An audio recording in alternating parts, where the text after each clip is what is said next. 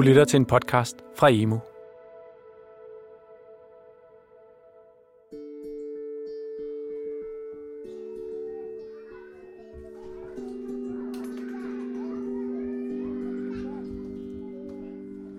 Børnehøjde.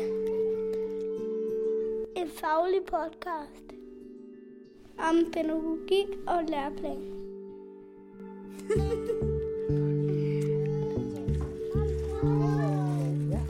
Velkommen til Børnehøjde. En faglig podcast om pædagogik og læreplan. I tre afsnit zoomer vi ind på det pædagogiske læringsmiljø. Hvorfor er det et relevant begreb i den pædagogiske hverdag?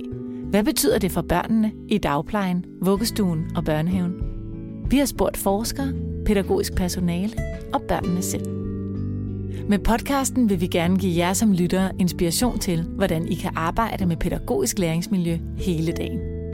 Jeg hedder Trine Bækket, og jeg er jeres vært. Du lytter til Børnehøjde. Temaet her handler om det pædagogiske læringsmiljø. Det definerer forskeren Anne Mette Bus, som du kommer til at møde i det her afsnit, sådan. Børn de lærer i alle deres relationer til omverdenen og i alle de situationer, de befinder sig i i løbet af en dag. I det her afsnit zoomer vi ind på, hvordan man kan arbejde med det pædagogiske læringsmiljø i ydertimerne om eftermiddagen i dagtilbuddet. Man kan lege morfar, børn, eller politi og røver. Eller man kan bare spørge, om man vil tegne eller noget. Eller perler. Eller, eller klisterbord. Om eftermiddagen er det opbrudstid. Børn bliver hentet, og der er ofte færre voksne på arbejde. Det giver nogle andre betingelser for børnenes leg, og nogle andre vilkår for at etablere et godt pædagogisk læringsmiljø end om formiddagen, hvor de pædagogiske aktiviteter typisk finder sted. Kan du sige hej hej? Hej. Ses i morgen. Vi træder ind ad døren i den integrerede institution Cassiopeia i Vanget. Det er eftermiddag. Der er blevet spist frugt, og de første børn er ved at blive hentet. Ja. Vil du gerne hjælpe mig med at klippe? Nej, det ved jeg ikke. Du må øve dig. Jeg Øh, kan ikke. prøv. Jeg kigger. I Cassiopeia vil personalet gerne have, at de sidste timer om eftermiddagen har samme pædagogiske kvalitet som resten af dagen. Det vil sige, at fokus er på børnene og ikke på oprydning. For at det kan lykkes, har de ændret på personalets arbejdstider og på den struktur, som de havde tidligere. Altså det var ligesom om, at der har været sådan en, en tendens til, øhm, har været min erfaring i hvert fald, at det praktisk, det blev sådan noget praktisk arbejde, som ikke rigtig havde noget med børn at gøre. Paula Miras er leder i Trekløveren, som består af tre integrerede børnehuse i Vanget. Cassiopeia er det ene. Så der var sådan en masse, der skulle ordnes. Nogle vogne, der skulle køres ned i køkkenet, der skulle ordnes efter noget eftermiddagsmad. Der er også noget vasketøj, der skal fejes, der skal ryddes krybber af. Der skal gøres alt sådan nogle praktiske ting. Og det blev ligesom løsrevet fra det, der fandt sted med børnene, så man var meget færre voksne til at tage sig af børn. Og så bliver der en lille smule sådan en, øhm, sådan noget med at udøve overblik, når man er sammen med børn, måske mere end at man indgår i nogle reelle aktiviteter, eller øh, øh, hvad hedder, lege, eller hvad det nu kan være som voksen, mellem voksen og barn. Prøv lige at stoppe. Prøv at tage den heroppe og så klip ned. Sådan, og så ned til hjørnet. Karoline, juletræ færdig. Det bliver lidt tilfældigt, det der finder sted. Man har ikke så meget øje for, øh, hvor, hvad er det, det har for betydning for det enkelte barn. At man for eksempel, øh, nu er vi i gang med, hvis der er et barn, der vil øve sig på noget selvhjulpenhed, eller selv at hælde eller noget. Hvis man så ikke er så mange voksne til at holde øje med det, så vil, har det været sådan lidt tendens, altså overtager de voksne det, der er læring for børn, og hælder op for børnene, fordi det går lidt hurtigere, øh, fordi vi har ikke så meget tid, fordi lige om lidt er der en, der skal ud i køkkenet og ordne noget, altså, så det bliver sådan den der praktiske, de praktiske gøremål, der bliver det styrende for samværet med børnene. Øhm, og det tænker jeg er en kæmpe fejl, altså det, det går ikke. Jeg var rigtig god. Ja, du er rigtig god. Det er det da. Det er så godt. Ja, Simon. Ole,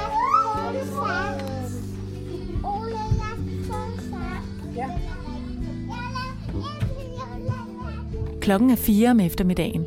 og to af Cassiopeias fem stuer er nu rykket sammen.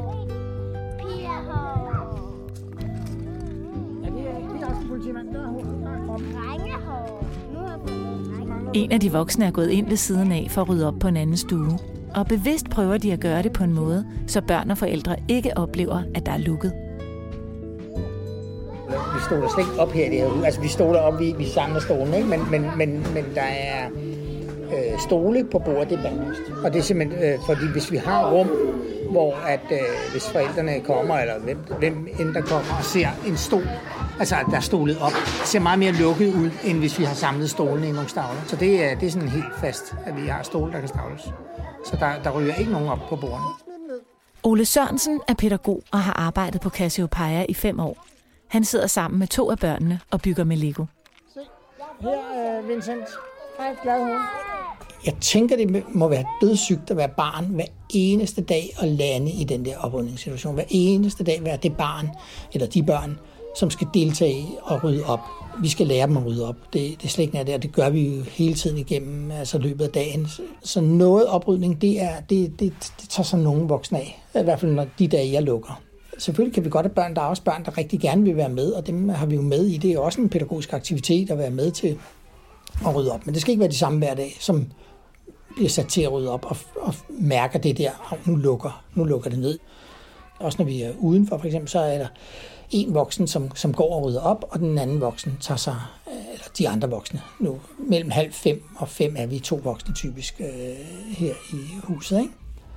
Og så, så er man sammen med børnene, sådan at, at de ikke føler, at nu er jeg til års, ikke? Og der laver vi også nogle aktiviteter, det, men det er meget sådan på børnenes præmisser, ikke? Det kan også bare være, at vi nogle gange sidder et sted og hygger med nogle rosiner og et glas vand eller noget råbrød, ikke? Det, det, de er trætte på det tidspunkt, øh, så, så det er vigtigt, at der også er, at det er stille og roligt. Ikke?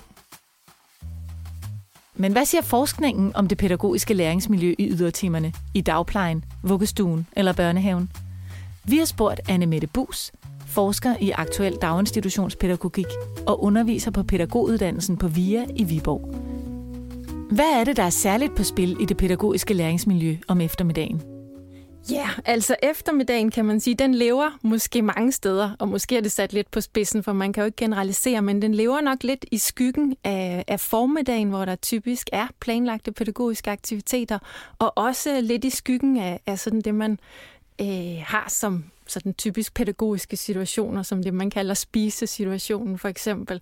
Øhm, det kendetegner jo eftermiddagen rigtig mange steder, at der er relativt få voksne, og at de voksne er ret optaget af nogle praktiske gørmål på det her tidspunkt.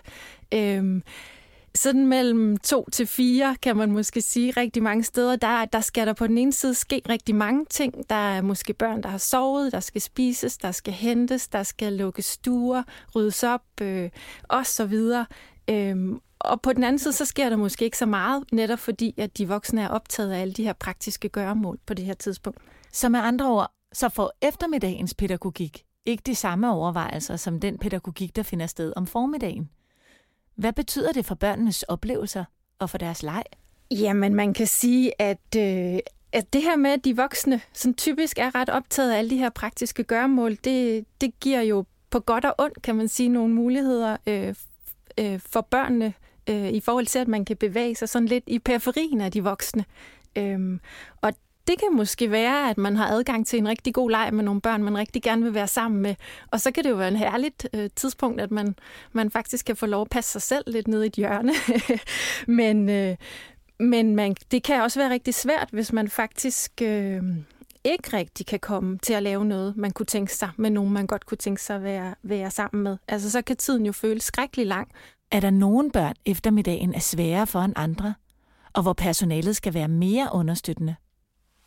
Det er helt oplagt, at børn, der øh, har brug for de voksne, for eksempel i forhold til det at være en del af relationer, som de godt kunne tænke sig at være en del af, er dem, der kan komme i klemme, når der kommer det her fokus på alle de praktiske opgaver, der skal løses. Vi kunne høre, at pædagogen i Cassiopeia var ekstra opmærksom på ikke at lade praktikken være styrende, men at møde det enkelte barns behov og lave aktiviteter på barnets præmisser.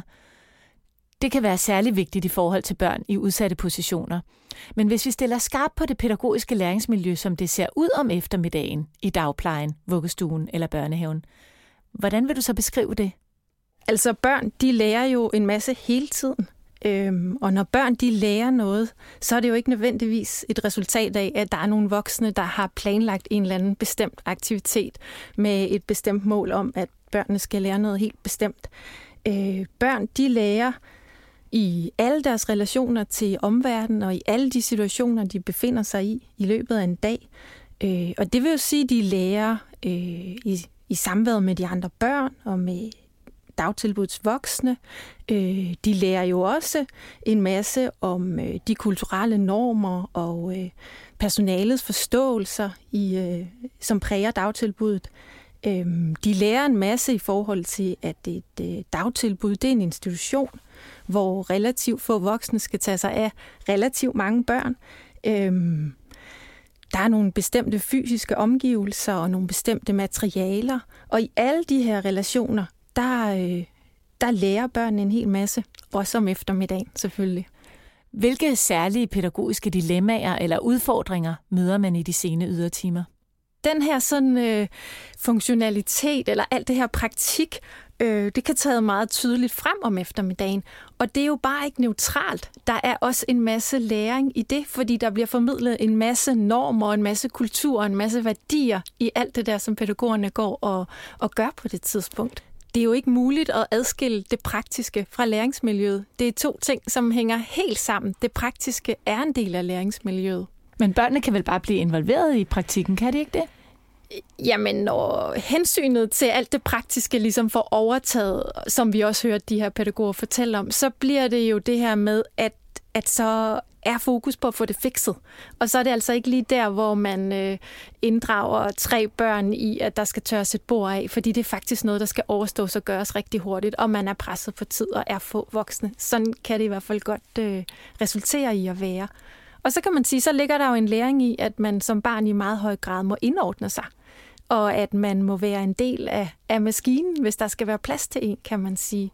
Og øh, det er også en, en, en læring, man selvfølgelig skal have med sig, men den kan godt øh, blive meget voldsom her om eftermiddagen, fordi den der praktik står meget hårdt igennem. Øh, og, og det er typisk der jo, hvor man som pædagog står med et stort dilemma i forhold til at få inddraget børnenes perspektiver. Børnehøjde. Om pædagogik og læreplan. Vi vender tilbage til Cassiopeia i Vanget. Klokken er snart halv fem, og Alba, som er fem år, fortæller, hvad hun plejer at lave, når der ikke er så mange børn tilbage på stuen.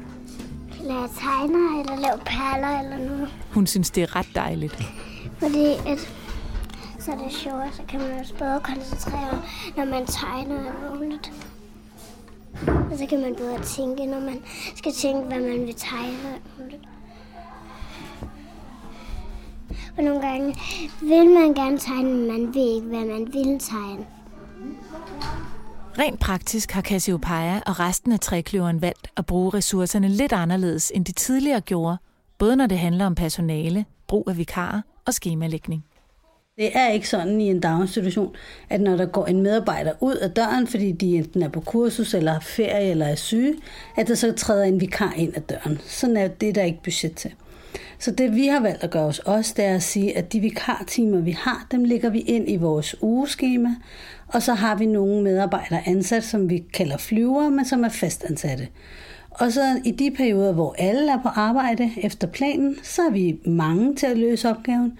Og der, hvor vi så er nogle færre på arbejde, fordi nogen skal noget enten planlagt eller uplanlagt, så er man selvfølgelig lidt mindre end man godt kunne have tænkt sig, men så løser man opgaven. Så vi er aldrig sådan for meget sjældent nede i et eller andet, hvor man ingenting kan.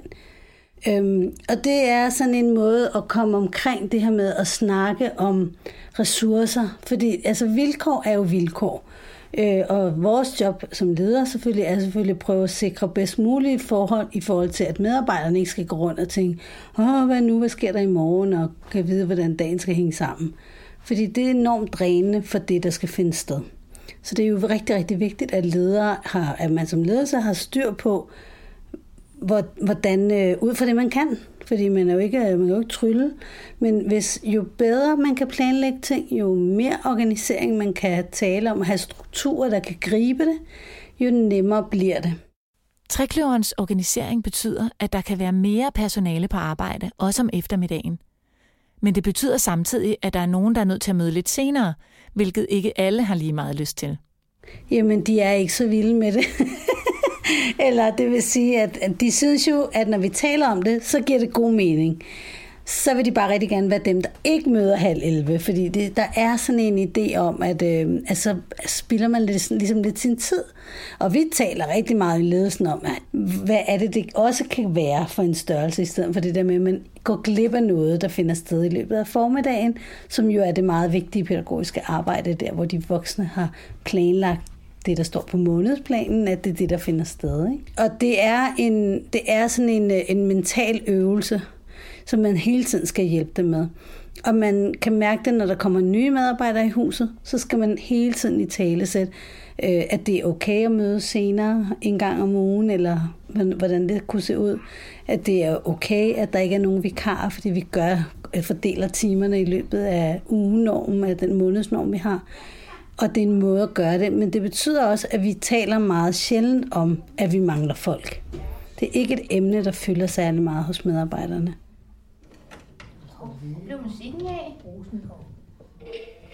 Når den sidste forælder kommer og henter sidst på eftermiddagen, er der stadig tid til at sige farvel og rydde op. Og der bliver arbejdet med at have børnene i fokus helt til lukketid. Altså noget af det, vi siger her hos os, det tror jeg, at de bliver trætte af at høre sige øh, medarbejderne, det er, at øh, husk, at vi lukker først klokken 5. Så vi har god tid. Vi har masser af tid. Hej. Hej. Oh. Hey, vi lukker først klokken 5. Hej, hej. Hej. Kuku. Ja, nu var der også mange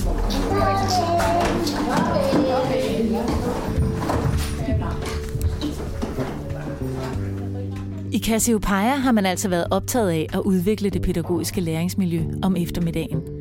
Blandt andet ved at organisere sig på en anden måde og sætte fokus på børnene. Men hvordan undersøger man, hvordan det står til i ens egen børnehave, vuggestue eller dagpleje? Det har Anne Mette Bus et bud på. Altså jeg tænker, det kræver, at man øh, forholder sig undersøgende til, hvordan oplever børn det her tidspunkt.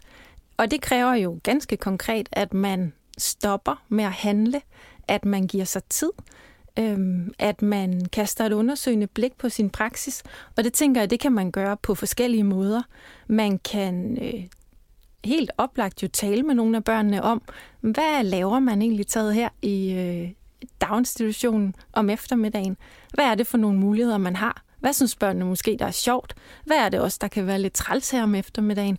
Man kan jo altså, tale med børnene, man kan mere systematisk arbejde med børneinterview, man kan også øh, give sig selv nogle muligheder, organisere sig sådan, at man faktisk får mulighed for at observere nogle børn, Øhm, jeg tænker også, at den her eftermiddagstid øh, er meget forskellig for forskellige børn, og derfor kunne det være rigtig interessant at prøve at følge forskellige børn. Hvor opholder de sig henne? Hvem er de sammen med?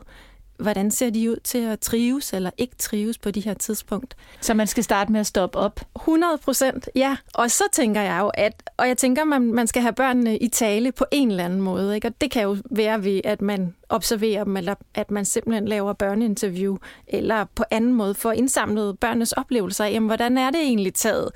Øh, er det måske faktisk også lidt hyggeligt nogle gange, at, at nye grupper af børn bliver samlet?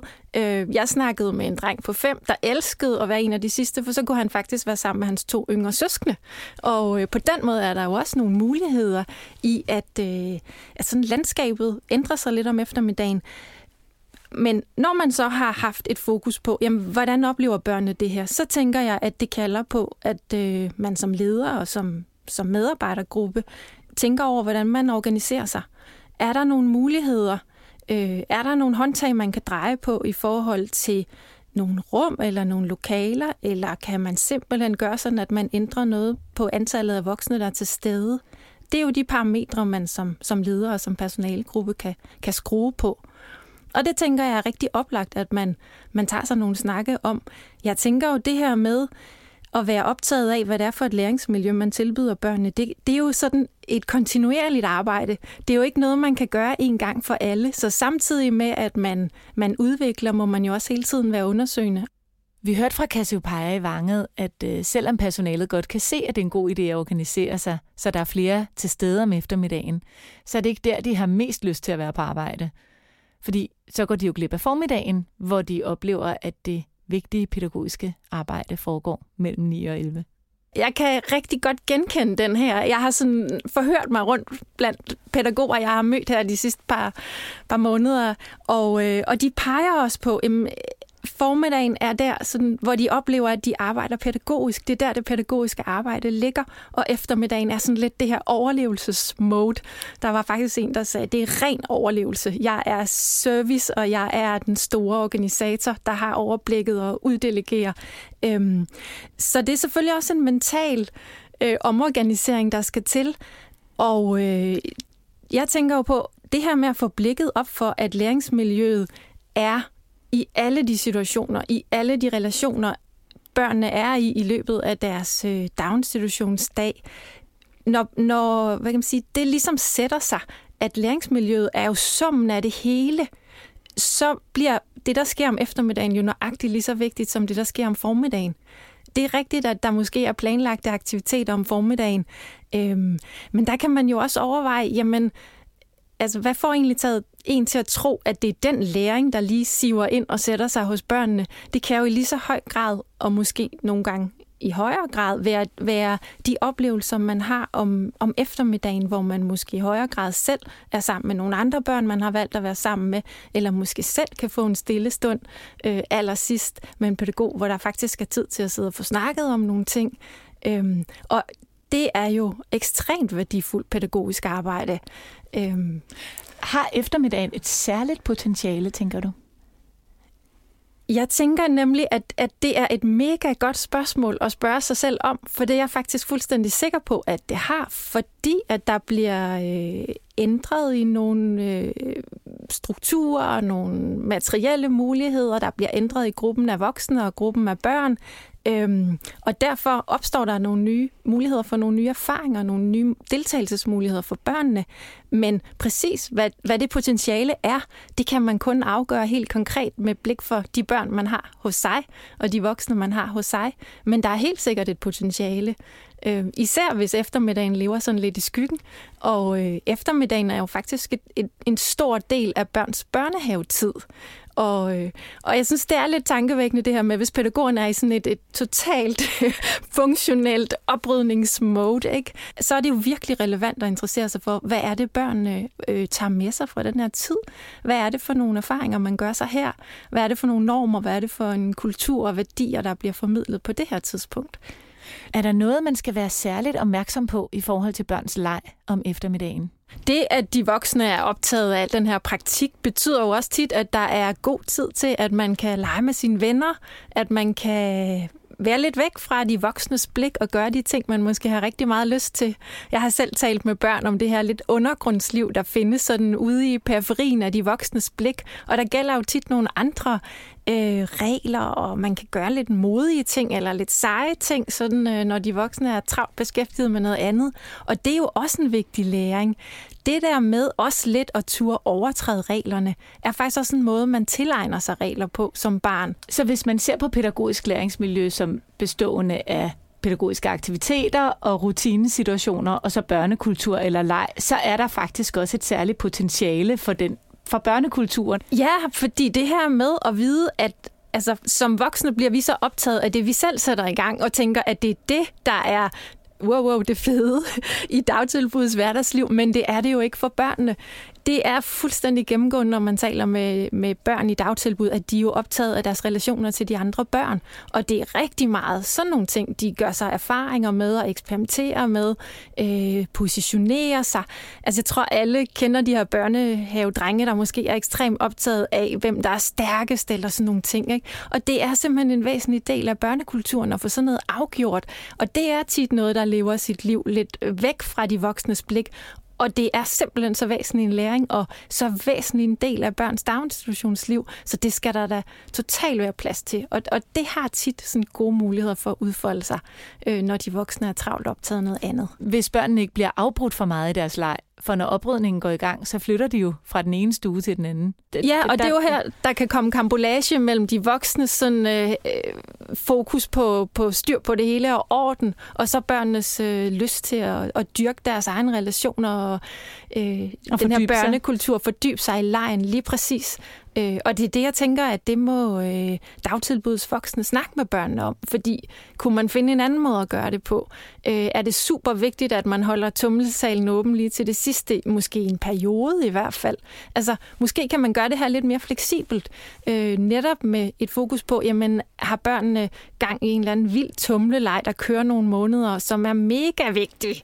Øh, så er det jo ikke sikkert, at man behøver at lukke tumlesalen som det første, og det kan man måske gøre på et andet tidspunkt tidspunkt, hvor, hvor det ikke lige er det, der man er optaget af. Så altså, det er jo noget med at være lydhør over for, hvad, hvad rører der sig blandt børn, og hvad er det, de synes, der er vigtigt. Du har lyttet til et afsnit i vores tema om pædagogisk læringsmiljø hele dagen.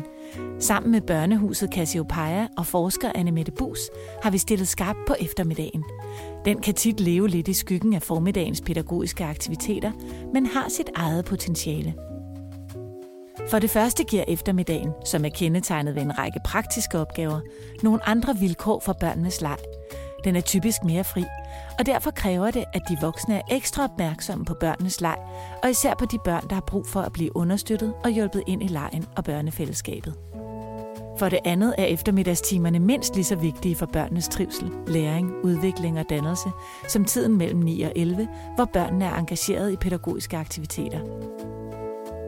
Og endelig hørte vi, hvordan man kan undersøge, hvordan det står til med det pædagogiske læringsmiljø i ens egen dagpleje, vuggestue eller børnehave, ved at undersøge børnenes perspektiver. Børnehøjde. Pædagogik og læreplan. Det er rigtig sjovt. Hvis du er blevet nysgerrig og vil høre mere om, hvordan man kan arbejde med det pædagogiske læringsmiljø om morgenen eller i rutinesituationerne midt på dagen, kan du lytte til de to andre afsnit i temaet. Tak fordi du lyttede med. Denne podcast er tilrettelagt af Anna Jørges og produceret af Munk Studios København og Danmarks Evalueringsinstitut for Børne- og Undervisningsministeriet.